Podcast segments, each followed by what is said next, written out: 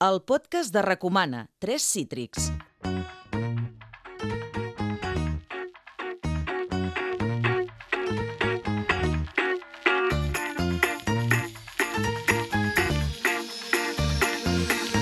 Hola, com esteu? Benvinguts al podcast de Recomana, un podcast que posa en valor la feina de la crítica teatral, una feina que creiem que enriqueix el debat i la reflexió cultural, i com que allò que ens apassiona és parlar de teatre i comentar les obres, això és justament el que farem. Avui tenim aquesta sessió de Tres Cítrics, on tres professionals de la crítica trien, remenen, analitzen i comenten algunes obres que són a la cartellera.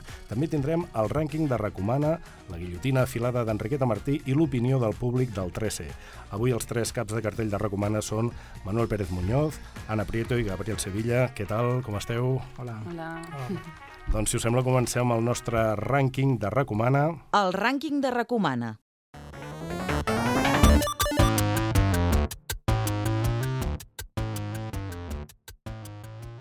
Un rànquing que ja sabeu que surt de la mitjana de valoracions de les crítiques publicades a Recomana. Com sempre, us animem a entrar a recomana.cat per llegir-les completes. Al número 5 hi tenim Ens hauríem de cuidar més. A vegades et sents atrapada en un tipus de vida que saps que no és la que vols.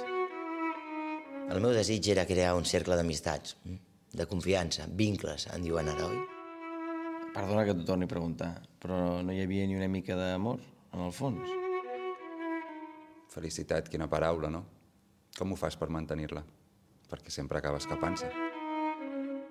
Eda Gabler, aquesta obra d'Ibsen dirigida per Àlex Rigola i que ha servit per estrenar la nova sala teatral impulsada pel propi Rigola, Heartbreak Hotel.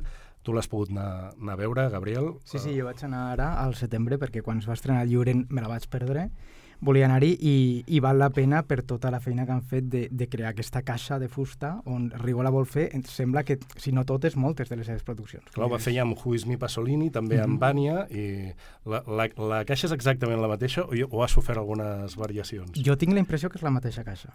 Pel que jo vas, vaig veure de fotos del lliure, era la mateixa caixa. Aquí podem veure Nausica Bonin, Miranda Gas, Pol López, Mar Rodríguez i Joan Soler molt a la vora i, i una bona notícia, sobretot això, també un nou teatre, no? que un director com Àlex Rigola impulsi una nova sala teatral. Sí, un nou teatre i sobretot un nou concepte de teatre, no? Aquest un teatre petit és, és, és el concepte de la Flyhard portat encara una mica més lluny, a fer, a fer produccions de molt petit format. És una aposta molt arriscada, no és, no és un, un, una inversió a nivell econòmic, a, a, diguéssim... Pensada per fer diners, eh? Exacte, eh, vull dir que són pocs espectadors, han de fer moltes funcions i amb una programació de risc i, i, molt, i, i sobre, sobre el paper, com a mínim les, les obres que ja han pogut veure, perquè algunes d'elles ja s'han estrenat i hem vist, són, són, són d'un bon nivell. A partir del 31 d'octubre hi faran l'Home de Teatre de Bergar, dirigit també pel mateix Rigola, amb l'Andreu Benito, entre d'altres. Doncs està el número 5. Al número 4, al rànquing, hi trobem una altra reposició, Els gossos, escrita i dirigida per Nelson Valente, Mercè Arànega, Sandra Monclús, Joan Negrier i Albert Pérez. És una producció de la Sala Trono que ja es va veure fa 3 anys a la Villa Roel i ara és al Teatre Borràs. I en la seva crítica, recomana al seu moment, Ramon Oliver deia, es tracta d'aquella mena de comèdia que quan ja et té encerclat et congela el somriure i ho fa amb prou talent com perquè encara surtis content del teatre malgrat el petit infern quotidià en el qual t'ha ficat. Al número 3 eh, tenim la nova obra de la Calòrica, El lliure, Le Congrès ne marche pas, que en parlarem després d'aquí un moment perquè és l'obra que ha triat el Gabriel per comentar i l'ha vist tothom. I al número 2 tenim Bye Bye Or del Cirerers, una versió del clàssic de Chekhov adaptada i dirigida per Mercè Managuerra. El crític de Recomana, Ferran Baile, diu notable versió de l'obra de Chekhov ajustada a la part més essencial i que guanya amb intensitat i atemporalitat. I el número 1 del rànquing de Recomana, redoble de tambors, El lector por horas, de Sánchez Sinisterra, dirigida por Carles Alfaro, en Pep Cruz, Pere Ponce y Mar Ulldemolins. Todos se han dado cuenta, ¿sabes? Nadie ha pensado que bajo aquel traje oscuro pudiera haber un asesino, ni siquiera una víctima. En cambio tú, Lorena, tan leída. ¿Y quién piensas que soy en mi novela? ¿El asesino o la víctima? Si me lo preguntaras, si te atrevieras a preguntármelo, te diría, ni uno ni otro, Lorena, ni asesino ni víctima. En todo caso, podría ser la una obra que es pot veure dins del cicle Tardor Sánchez, un cicle dedicat al dramaturg José Sánchez Sinisterra. Andreu Sotorra diu a recomana.cat poques vegades una obra de dues hores que compta amb una acció tan mesurada aconsegueix mantenir els espectadors amb l'alè penjat d'un fil que els tests intèrprets tensen fins a l'esclat final. Ja sabeu que el rànquing de recomanar ens es fa això, com dèiem, a partir de les crítiques publicades i que va variant i que els convidem a entrar-hi. Després d'això, eh, dèiem abans que la nova obra de la Calòrica ens en volies parlar. Eh, Gabriel, de fet, tothom té moltes ganes de, de parlar-ne perquè és una obra eh, amb molt, que ha generat molta expectació, tothom en tenia moltes ganes. Eh, va aconseguir una cosa excepcional, que és esgotar les entrades de totes les funcions abans de l'estrena, la calòrica que venia d'encadenar de, molts èxits, i bé, en aquest cas ens fixem en, en els orígens del sistema econòmic actual, que ens remuntem fins al Congrés de Viena, que es va celebrar el 1814, una primera cimera entre nacions per repartir-se al món, dirigents absolutistes que volien mantenir privilegis, i a la teva crítica, Anna, també posaves una cinta de l'historiador Josep Fontana, mm. perquè el seu llibre, Capitalisme i democràcia, com va començar aquest engany, doncs va ser el llibre que va fer saltar l'espurna perquè el Joan Llago de la Calòrica comencés a escriure aquesta obra. Fontana deia, el Congrés va ser una celebració monàrquica i aristocràtica del final de la Revolució Francesa i les guerres napoleòniques. A veure, perquè aquí em sembla que hi ha diversitat d'opinions. Gabriel, comença.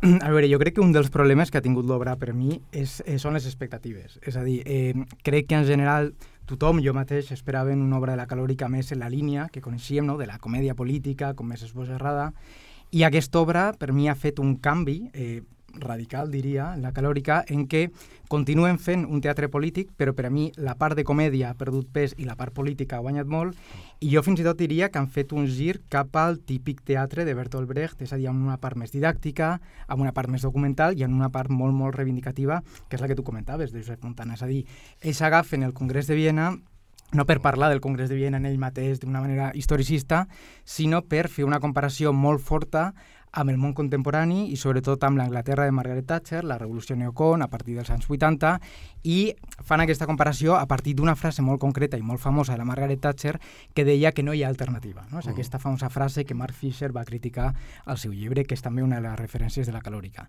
I clar, eh, la calòrica fa dir aquesta mateixa frase als congressistes de Viena, no hi ha alternativa, per dir el que passava a Viena a principis del segle XIX és grosso modo el que passa a Europa i al món a finals del segle XX.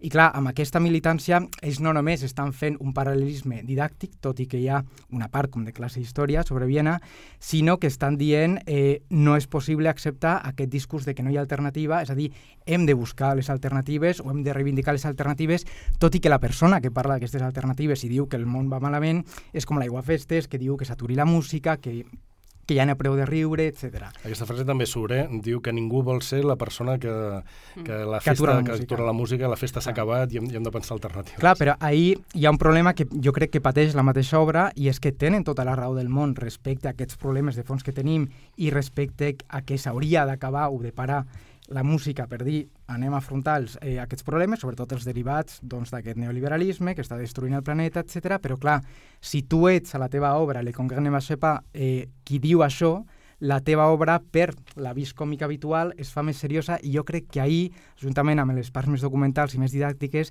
és on s'ha fet una mica més pesada ha perdut pes la part més còmica i per a mi és ahir on no ha acabat de funcionar com altres de la calòrica. És a dir, funciona? Sí, és una obra de la calòrica, és una bona obra. Ara, comparant-ho amb la calòrica que coneixem del de què parlem o els ocells, per a mi està menys reeixida per això, perquè la part seriosa s'ha imposat sobre la part còmica i això ha generat un desequilibri i sobretot ha pogut defraudar les expectatives d'una part del públic com jo mateix. Anna, Manuel, a veure, jo, jo estic en, en, en desacord. en, en, a veure, uh, hi ha moltes, òbviament, molt, moltes de les coses que has dit són certes, Uh, jo crec que l'obra no, no, no té el mateix to de farsa que fins ara havia tingut la companyia. Sí. Uh, jo crec que aquell to l'han volgut evolucionar. Ja, no hi ha, no hi ha una, una apel·lació a la rialla directa, Uh, però sí que hi ha un, un, una suma de situacions que, que, que afegides a un final que ja, ja toca, de, ja, ja, ja acaba esclatant en, en, en, el, en el to grotesc, sí. eh, hi ha com una, una progressió de les situacions. Mm, puc estar d'acord que, que potser algunes de les situacions estan algun, un poc estirades. El, el monòleg de la, de la penúltima escena uh, es podia haver resumit i jo penso que això respon a, a, a un canvi de, a un canvi de forma de l'espectacle. És a dir, uh, habitualment veníem fent unes, unes comèdies doncs, o més, més accessibles, més comèdia, i ara, i ara és una espècie de postfarsa que ja no busca tant fer riure, sinó busca plantejar una sèrie de situacions i, i, i, i d'aquestes situacions crear un clima que, que sigui com, com el, el rerefons que dona la interpretació a l'obra. Però pense que és una, una proposta molt arriscada, el fet d'haver fet uh, aquesta estructura, d'haver fet una obra en francès sobretitulada, uh, té una part part que le connecta doncs, amb els llenguatges post, postdramàtics, a mi em va, va recordar per moments doncs, el, el teatre més d'avantguarda, tipus del Conde de Torrefiel, que, que, hi ha, que hi ha uns textos llançats per una banda i després en l'escena estan passant altres coses.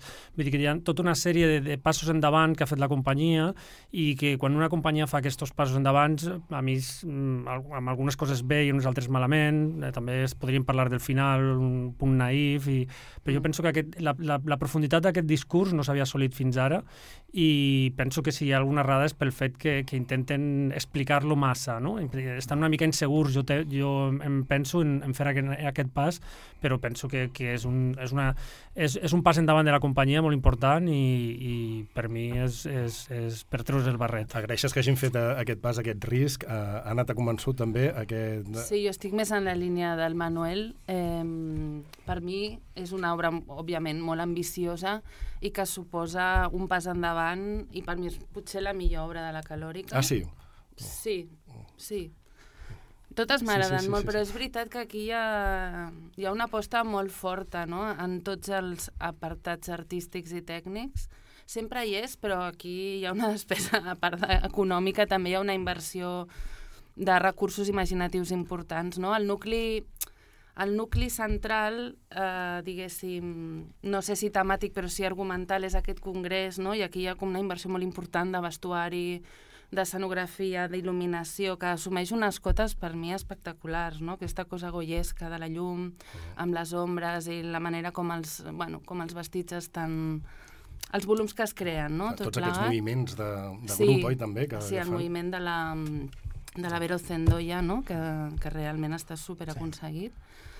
Um, i entenc que això pot, pot resultar una mica llarg, però trobo que val la pena perquè realment és on hi volen prestar atenció. I després hi ha aquests dos altres moments que són el, el discurs de Margaret Thatcher i la festa o el vernissatge final, que entenc el que diu el Gabriel, no? que al final són com dos moments molt diferents de, de la història, però que Uh, clar, jo veig que d'una banda, si vols fer crítica del moment actual i del capitalisme, no pots uh, obviar uh, doncs, tot això de l'economia keynesiana i tot això de la desregulació no? que ve del Ronald Reagan i, com, i de la Margaret Thatcher, i com que estem a Europa, doncs s'han saltat la part americana, diguéssim, no?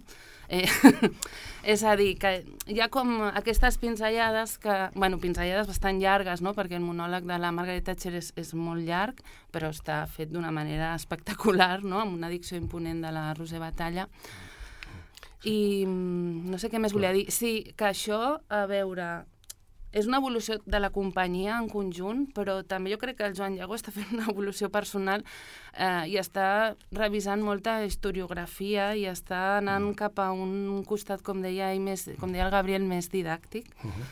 I perquè això, jo vaig veure breve història del ferrocarril espanyol a Madrid i, i clar, era brutal tota la revisió que feia del segle XIX, de Maria Cristina de la Regència, i com feia aquest paral·lelisme, no?, entre com la monarquia espanyola va confondre doncs, el capital públic i privat i va, bueno, va enfonsar un país en la misèria per poder lucrar-se i el paral·lelisme que fa amb el moment actual. No? Ah. Llavors són, crec que d'acord, és el Joan Llago, no és tota la companyia, però la companyia també està en un moment de maduresa molt notable i crec que s'estan complementant perfectament i en, bueno, doncs, en l'equip artístic i tècnic han fet unes incorporacions també mm.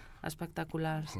Parles d'aquest monòleg també de la Roser Batalla que d'alguna manera, no sé si us recorda també el monòleg de la Mònica López, de, de què parlem, sí. perquè és aquest mecanisme no?, que ells fan servir de, de dir, et poso la part contrària, però amb un discurs eh, intel·ligent, ben fet, un discurs argumental, és a dir, que com a espectador també et posa en, en contradicció en algun moment. No? Sí, però és ahir on jo veig la diferència, perquè en de què parlem ells feien la farsa d'aquests negacionistes, és a dir, ells prenien la posició afirmacionista del canvi climàtic per la via de fer burla del negacionista. Uh -huh. I aquí directament jo crec que fan una cosa com més militant i més, més literal. Més, no, no veig aquest discurs tan indirecte, veig més la, la militància, és a dir, s'apropa més al, al teatre polític de tota la vida. A mi és, és Sí. aquesta impressió que, que Sí, sí, però és que fem burla també, perquè jo crec que una de les...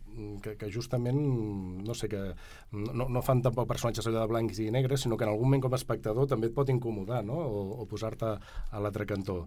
Em va semblar, em va recordar, per exemple, a Animalario, la boda d'Alejandro Llana, que hi havia el Javier Gutiérrez que deia tot el mundo es de derechas, no? Sortia aquell molt ben argumentat, també ben fet, i hi ha algun moment que, clar, pots acabar pensant.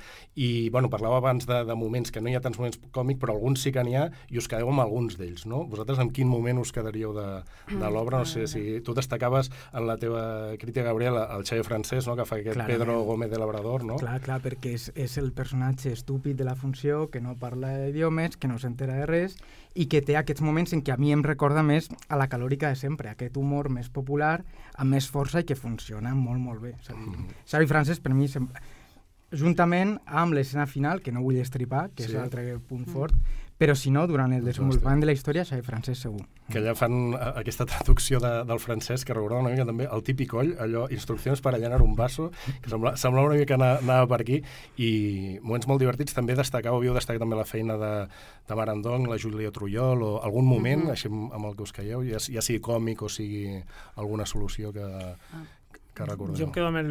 Hi ha un moment especial, ja, com, com Sense ja passava... molt, allò. sense, sense passava molt. Hi ha un personatge molt especial, com ja passava amb l'obra Amèrica, que hi havia per allà una assistenta, Sí. doncs durant Mm. tota l'obra hi ha un personatge que és, és el cambrer, el, el, el servent. Mm. Aquest personatge és vehicular de tota l'obra i al final va doncs, a, agafant capes i capes i més capes per a, per a després fer, eh, sense, sense, sense, sense rebentar massa l'argument, per, per fer l'esclat final. Uh, jo penso que mm, la gent que pugui anar a veure que vagi seguint aquell personatge, perquè en aquell personatge està la clau de la interpretació de l'obra, I, i veure com evoluciona en les diferents èpoques i veure una cosa que, que mm, generalment sembla que, que no és important, que és un, que és un figurant, al final la, la cosa va aca- acabant agafant entitat. Sí. I, I és també, a més, una de les coses que demostra com de ben feta estava l'obra, perquè si tu vas veient com aquell personatge es va movent o com va interactuant, demostra que tot el moviment té un sentit, que totes les relacions, que fins i tot la coreografia, eh, sense, sense, sense tan sols ni, ni veu en off ni, ni tan sols la interpretació que fan ells a, a viva veu, eh, la coreografia en si mateixa ja tindria un sentit i l'espectacle s'entendria. I jo penso que totes les capes d'aquell espectacle estan ben posats per, a, per al final acabar, acabar en, un, en un sentit bastant, bastant complet. Clar, i parlaves d'Amèrica i allà també es feia una mica aquesta reflexió. Després, anys després, eh, pre- ens preguntarem com és que vam aguantar tant, no? O sigui, també posar aquest, aquest mirall a la situació de desigualtat, no? Mm. Anna, dir Eh, jo, agafant el fil del Manuel, també aquest personatge subaltern que fa el Joan Esteve, que després esclata, hi ha un moment en què mm, xucla, o, bueno, del, Mhm. de la mamella de la, de la República, no? que és, la, és una paròdia que fa una absolutista, una princesa, Esther López. L'Esther López és la qui la interpreta, eh, embolicada en una, en una bandera de França. Eh, és un moment molt incòmode per al personatge subaltern, no? és un acte d'abús de poder, però és curiós perquè aquesta, aquesta escena és una de les últimes que trobem ja en, el, en la part del Congrés pròpiament i després ve el discurs de la Margaret Thatcher que parla del nanny state no? i de l'estat mainadera. Bueno, Sí. a mi em fa gràcia aquesta... No. Està bé, sí, sí. la, sí. la mamella de la república i l'estat mainadera, no? que al final és el que ataca, no? que l'estat doni ajuts o subvencions. Clar, i aquest moment incòmode que tampoc hem vist tant en obres de la, de la calòrica, no? De- de- d'humiliar algú, Sí. realment un moment tens amb... Clar, el que passa Això que no- està portat amb molta farsa, no? amb molt humor, que no és, no és Sí. violent per al públic, no? però, bueno... Bueno, No, però és el- és l'únic personatge Sí. classe treballadora Sí, enmig dels aristòcrates. Humiliat, sí, sí, eh? està És humiliat. És el punt de sí, vista sí. de fora del Congrés. sí, sí, sí. I, bueno, I una altra cosa, eh, clar, això em recorda també la llibertat guiant el poble de Delacroix, no? I després com la paraula llibertat és totalment subvertida, no?, per a personatges com Margaret Thatcher o com el liberalisme, no? Que, sí. O com Ayuso, no? També. Bueno, sí, com, exacte, com Ayuso, totalment. El, el tema sí. de llibertat, no? Que vam... Sí, sí, el, terme aquest totalment... Sí, bueno, això no sentit, apareix, però clar, el tema de la mamella de la República m'ha portat al quadre de la Croix. Molt bé. bueno, ja està. Doncs dèiem que han esgotat les entrades, una obra que, i parlau d'això, de, d'això, de que ha sigut una Mm. aposta forta, eh, s'ha parlat també, mm, esperem que pugui tornar, no sé si tornarà a la sala gran del Teatre Lliure, sabeu per què no s'ha fet a, a la sala gran, o si es pot Ah. fer perquè és un, penseu que milloraria, eh, guanyaria aquest espectacle amb, amb un gran Segurament escenari? Jo crec que sí, no? Clarament sí, perquè és- només amb les coreografies de vals jo crec que és una obra que demana Mm. gran format. I a més a més la calòrica té capacitat d'omplir una sala I gran. tant. No, s'ha demostrat quan han exhaurit totes les entrades abans de l'estrena, però uh, jo estic, estic totalment d'acord, és un espectacle de gran format, vull dir, ja només pel nombre d'intèrprets, sinó per, per, pel moviment i per, per l'ambició. Uh, crec que ha estat un error programar-los a, a, a, la sala, a la sala de Gràcia, tan petita, i, i hagués lluït fantàstic a la, a la Puigcerver. No sé si, no sé si al lliure tornaran o, O estic, segur, teatre. estic segur que la Calòrica Sí, mm, com, a, com a companyia girarà aquest espectacle i, i aquest espectacle ha de girar. Clar, ja va demostrar que podia omplir el, el poliorama, no? I, clar, un espectacle com aquest... Doncs, I aquest passarà per Madrid pel Centro Dramático Nacional, que allà és sala gran. Llavors ho faran en sala gran, el que passa és que no aquí. Uh -huh.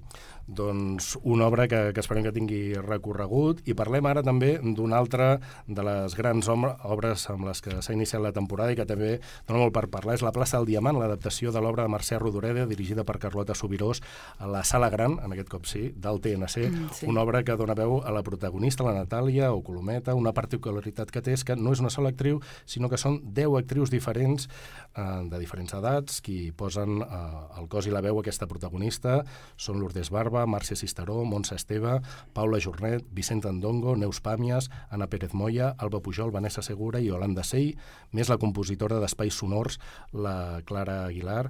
Um, Anna, la teva crítica parlaves de la importància del, del cargol de mar, deies, Mhm. d'aquesta obra. Quina, quina importància té a, a l'espectacle? Um, dona la clau del sonora no? de l'espectacle, la clau de volta, i és que la, la mateixa Carlota Subirós ho ha dit en roda de premsa, no? que el que vol és fer ressonar el text de la Mercè Rodoreda no? eh, amb tota la seva potència i no, d'alguna manera, no, no, no oferir una lectura dramàtica en el sentit de repartir en rèpliques i dialogar eh, el que és un monòleg intern, sinó mm, permetre que aquesta veu interior tan, tan poderosa perquè és autèntica i és, és ingènua, no? I d'alguna manera um, el que, vol és, el que vol és parlar d'una dona de classe humil i de classe treballadora, però que alhora té una intel·ligència natural, no? que alhora és inquieta, pensa coses, té aquesta, elabora aquesta metàfora no? del, del cargol de mar que diu si no hi pares l'orella, ah, hi ha soroll de mar a dintre, això és molt bonic, no? Clar. I d'alguna manera el que vol fer la Carlota és doncs, que, que Que- ho sentim tots la remor del mar, no? o la remor d'aquest pensament tan intens, Clar, que no? escoltem la, psique. la veu de la Natàlia, no? Sí. De- D'alguna manera. I això que siguin també totes aquestes actrius, que siguin 10 actrius, Mhm. la idea també és que, que, que hi ha moltes Natàlies, i Exacte. és la història no individual, sinó de molta gent, no? O, o com, Sí, com jo trobo una aposta molt, molt bonica. Eh, són 11 intèrprets, 10 actrius, ja ho has dit, i, i la compositora Clara Aguilar, i elles es van prenent el relleu eh, d'una manera molt, molt, molt ben penetrada, o sigui, és un treball de concentració i de precisió de rellotgeria. Jo admiro molt tota aquesta precisió en el moviment, en el so, eh, com quadra no? tota, tota les, tots els, totes les disciplines, perquè en realitat, com deia la crítica, és, eh, la Carlota Sobius fa una suma dis multidisciplinària. És a dir, agafes diferents elements i els eh, juxtaposa d'una altra manera, no? I cadascú parla el seu llenguatge i brilla molt cadascun d'aquests d'aquests apartats artístics però sense que la literatura deixi de ser el centre. Al final es fa sentir, es fa escoltar molt bé aquest... Jo no sé, crec que aquí no tots estem d'acord, però um, jo no vaig desconnectar en cap moment del relat mm, de, de la narració, tot i que era molt eh, esfilagarsada, no? perquè estava desfilada en moltes actrius, però tot estava tan pautat, una encalçava l'altra, la sostenia, no? hi havia ecos, ressons, una feia veus interiors, no? eh, de l'altra hi ha una part de dansa, de coreografia molt subtil, no? i de moviment també, amb una partitura de moviment molt interessant. Uh -huh. L'obra és molt emocionant, a més, i va Sí. haver llàgrimes a la platea, i jo, això cada cop que passa, que no passa tan sovint, a mi, a mi em sembla extraordinari. Allò que una obra de Gairebé teatre... tothom va dir que havia... Clar, Bueno, emociona fins la llàgrima Havia aquesta plorat. història. Um, sí, sí, um, clar, parlaves això de, de diversos moments i Mm. uh, això vol dir que la interpretació funciona, no? Perquè clar, és una història que ja, que ja coneixes i, Estan i, i que totes- arriba. Uh, Manuel, Gabriel. Que som... Jo estic Ja bastant, continuo després. Estic bastant d'acord amb, amb, amb el que ha dit, amb, amb el que s'ha dit, vull dir, de l'obra.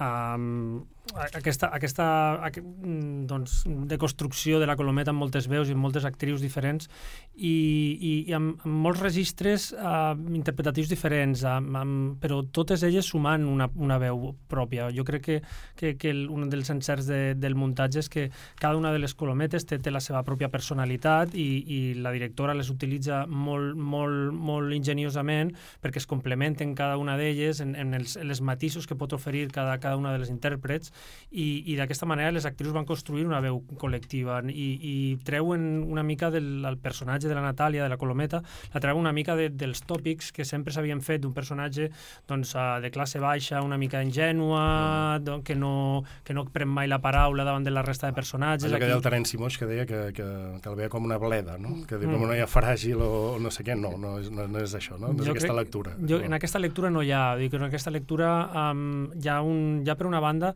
um, la, la gran adaptació que han fet uh, la, la directora, la Carlota Subirós i el Ferran Dordal, han fet una adaptació sensacional en, en el qual han deixat uh, els fragments literaris, narratius um, per una banda i llavors han fet com un, tot un ritual d'objectes per una altra banda per estalviar-se les, les descripcions i al final ha fet un destil·lat i aquest destil·lat és molt intel·ligent a l'hora de presentar el personatge i sobretot a, a, de triar i interpretar en un sentit molt concret els fragments, el, els fragments de la vida de Natàlia. D'aquesta forma l'espectador va entenent una cosa que jo de petit no havia, no havia molt entès i és com, com, com és aquell, aquell món opressiu que, est, que està damunt del personatge, no? De dir, ah, com vols que aquest personatge prenga la iniciativa o, o si, si, si, si tots els elements que l'envolten estan, estan, estan, sent, estan fent una pressió sobre ella, no? I estan, estan arraconant-la en, el seu, en el seu paper subsidiari.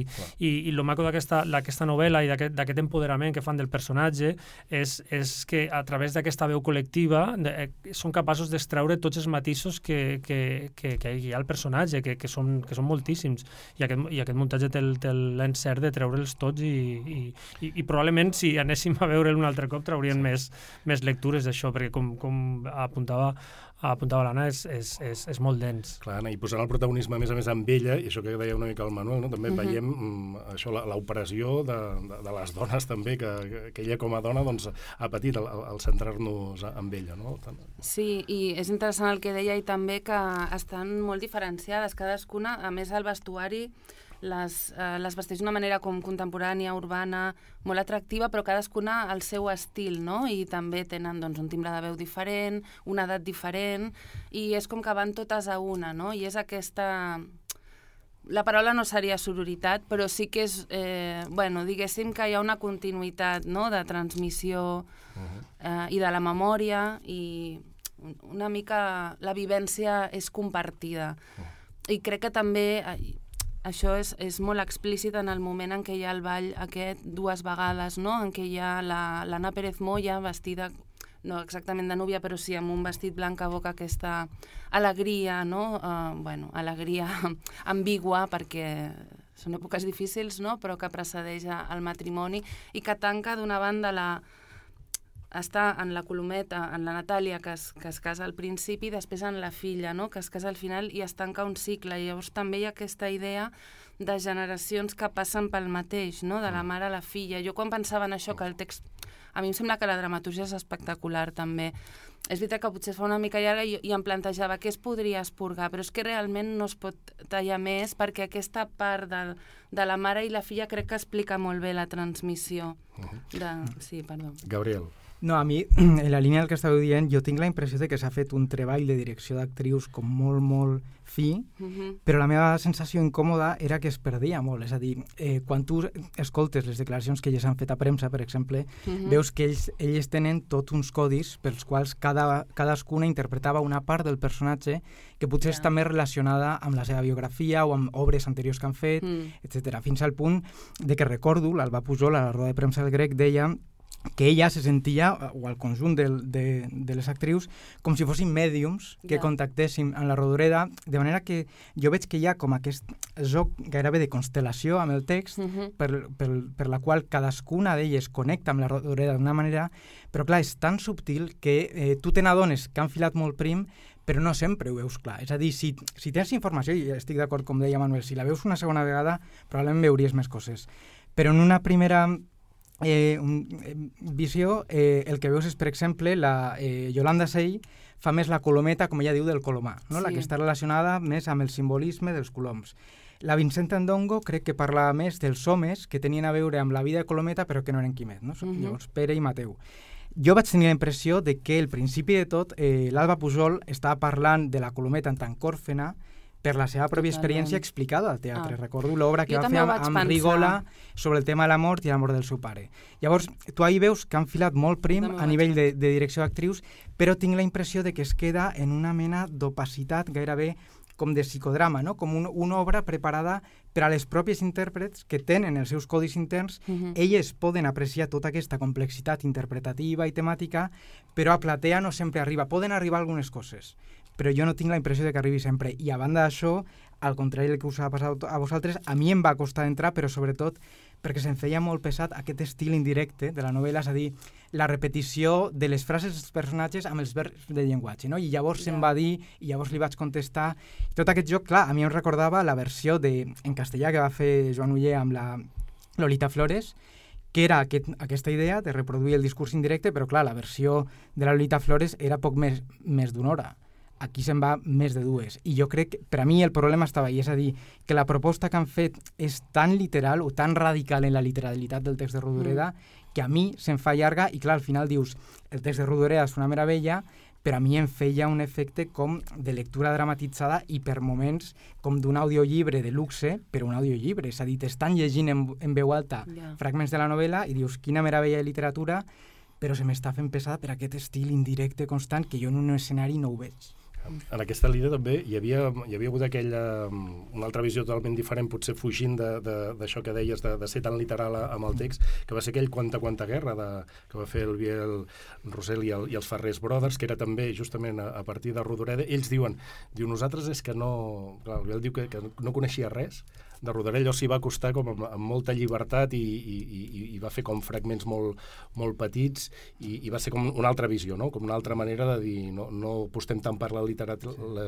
pel tema literal del text, sinó introduir altres, altres elements. Totalment d'acord. bueno, vosaltres, per això, sí que us ha convençut, deia, i, Sí. i sí que veieu aquests recursos eh, més visuals o més, més enllà de, del text, no? O, Sí, a veure, la, mm, la veritat és que um, això que comentaven, vull dir, és, és cert que hi ha, una, hi ha una part molt densa perquè és, és el text dit, no? és el text llegit. Uh, uh, això, per una banda, podria... Mm, literatura en vestuari, no? Moltes, moltes vegades s'ha fet la paròdia d'aquest tipus d'obres que agafen un, un, un llibre, una novel·la, i sense, sense, sense aparentment cap, cap tipus d'adaptació doncs la llegeixen al, al, al, al teatre. En aquest cas no és així, en aquest cas hi ha un, hi ha un esforç d'adaptació i sí que hi ha molta part de la novel·la i sí que, sí que en, alguns, en alguns temps és molt densos, vull dir, en alguns moments depèn del, del teu, del, de la teva energia mental, el pot expulsar més o menys, però sí que hi ha mm, fragments de la novel·la que tothom coneix que, que, que, són, que són absolutament um,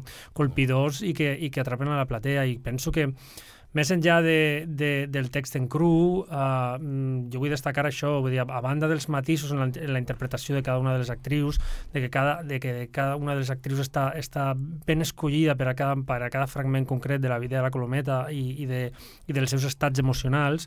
A banda d'això, jo, jo penso que, com passava en la calòrica que hem comentat abans, hi ha tot un treball coreogràfic, hi ha tot un treball d'entrades, de, de sortides, uh, del moviment de les actrius, i tot això es complementa amb, amb, amb tot un joc performàtic, un, un ritual uh, d'objectes, d'anar construint coses a escena, és, és, és una cosa totalment um, instal·lativa, que, que, que això és tota una dimensió de l'obra, que això et, et dona com una espècie de mapa mental de, de la colometa, que sense que haja de nomenar o nomenar fugaçment alguns, alguns determinats objectes, tu vas veient com això es posiciona en l'escenari, com, com la coreografia va, va transitant entre tota aquella cosmogonia d'objectes. Vull dir, tot això li dona un, un, un, de nou un, un, una, una vivacitat i, una, i, un, i unes capes que, que, que fan aquest muntatge, jo penso que de primera línia. A partir de la meitat, no, no sé, teniu la sensació que, que t'atrapa més l'obra d'alguna manera. O tu, Gabriel, no. No, eh, no, no, vas entrant a poc a poc. No, i el, sí? el, que, el que volia dir en qualsevol cas és que jo crec que sí que hi ha un mèrit objectiu d'aquesta funció, fins i tot per un espectador tan escèptic com jo, i és que eh, crec que és la primera versió que podries dir postdramàtica que jo sàpiga de la plaça del Diamant. És a dir, a nivell escènic i a nivell sonor, clarament han fet una aposta mm. minimalista que jo no veig a nivell de la dramatúrgia, és a dir, a nivell de text sí que han fet una cosa tan literal que per mi trenca, però diguem el minimalisme eh, musical i sonor i el minimalisme escènic sí que ho té i jo crec que això és una novetat absoluta i per a mi és la part més atractiva, no? visual i auditiva. El problema per mi personalment ha sigut aquesta part del text, que sí que és veritat que a poc a poc t'hi vas fent, no? vas entrant, però, però a mi em va costar per aquest, per aquest efecte de recitació en veu alta. Sí, tornant al que deies abans, Gabriel, eh, a mi m'és igual no saber quina part, tot i que es percep, no? però més o menys quina part, de quina part s'ocupa cadascuna de les actrius. Eh, crec que, com deia, són mèdiums, però alhora estan molt al servei de l'obra. I també, en certa manera, m'emociona veure un elenc tan entregat a un projecte eh, tots ho estan, no? però vull dir que és un, jo és un treball de filigrana eh, molt exigent, però molt exigent, eh? perquè és que la partitura de, de moviment no? amb aquells desmais, aquelles caigudes, es van replicant l'un a l'altre. En el moment en què es passen un objecte hi ha un moment de congelació de, del gest perquè bueno, perquè hi ha un èmfasi en això, no? Quan li o sigui, diu agenolla't per dins. Exacte, i agenolla't per dins, bueno, jo ho deia, hi ha una, genuflexió esglaonada no? eh, i descomposta en totes les fases del moviment. I bé, totes són meravelloses les actrius, però jo crec que hi ha dues que porten molt el pes especialment, crec, que són l'Alba Pujol i la Marcia Sisteró, i n'hi ha d'altres que són meravelloses. Totes estan molt, molt bé. Però és veritat que l'Alba Pujol sembla que part, com deia el Gabriel, parla més de l'orfanell. Jo aquesta roda de premsa no l'he vist, vaig del grec. Eh, per tant, no, no ho sabia, però... No, és, és una impressió meva. Eh? Ah, vale, pensava que ho havien dit. Ah, d'acord, vale, vale. Um, ah, ja m'he perdut. En tot cas, deies, destacaves aquestes dues sí. actrius, que eren les que més t'havien sí. agradat, tant, la Marcia... No, no és que m'haguessin agradat, és que crec que tenen un pes molt important. Un pes més important. Sí? sí perquè una parla més de la, de la ingenuïtat de la primera joventut i d'aquest estar sentir-se perduda i sola enmig de la vida, que és una frase que diu literalment relacionada amb l'orfanesa, no? Amb sí. no, no hi és la mare, el pare està casat amb un altre, em casaré amb aquest quimet perquè si no, què serà de la meva vida? Um, I després, quan troba l'amiga de joventut, la troba convertida en una partisana, no? Ja com... Després també parla de... Bueno, hi hi ha molts, molts retorns a l'Alba Pujol en aquesta línia i després hi ha la Màrcia Cisteró que és la que té la part més amarga, no?, de, de bufetada de realitat més forta. Sí, i aquesta idea col·lectiva jo crec que sí que, que s'acaba traslladant també sí. a vegades a, a la platea, com de dir, bueno, és la història d'elles, pot ser la història de, de la teva àvia, de la meva, de, de, de qualsevol, no? Jo recollint el que, el que deia l'Anna, això és el treball de les, de les actrius uh, en, en, aquest, en aquest joc milimètric, vull dir, no m'atreviria a destacar, sí, hi ha algunes actrius que destaquen, perquè, òbviament, les parts, com, com deia l'Anna, de, de la Marcia Sisteró, són les parts més dramàtiques i són, i són el cim de, de l'obra, no? És el, el moment de la colometa de, de, quan està, de quan està buscant aliment per als seus fills.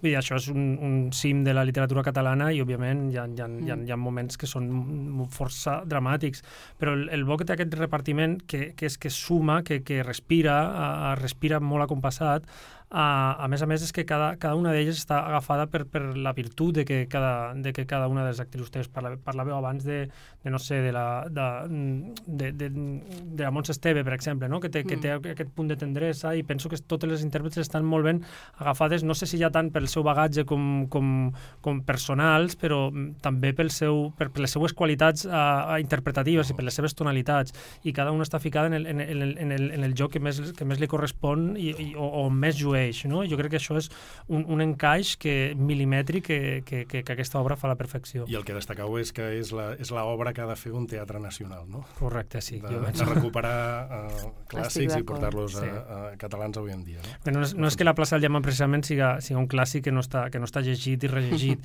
però penso que el, el, el que fa el Teatre Nacional en aquest cas i, i porta fent alguns anys, en alguns bons textos, és, és, és treure uh, aquestes obres de, de, del, del teatre una mica de cartó pedra uh, que, que, que havia vingut sent habitual en altres èpoques del TNC i portar-lo a un terreny doncs, doncs, més postdramàtic, com deia Gabriel. No? Jo Sí. penso que aquest és l'encert, no? és veure una, una, una, una colometa de, de, de teatre avantguarda alemany, que és el que a mi me recorda. Doncs eh, se'ns està acabant ja el temps, però abans d'arribar al final, aquesta temporada també comptem amb la col·laboració del 3C Club de Cultura. El públic també participa al podcast amb la seva opinió sobre les obres de teatre. Avui és Maria Gradín, sòcia del 3C, que ens parla de l'obra de Party. Aquesta és una obra basada en la pel·lícula del mateix títol de Sally Potter, una comèdia dirigida per Sergi Balbel, amb un repartiment on hi ha Àngels Gunyalons, Lluís Soler, Montse Guallar, Biel Duran, Jordi Díaz, Marta Rivera i Caral Casasalles, que es pot veure al Poliorama. L'opinió des del 3C.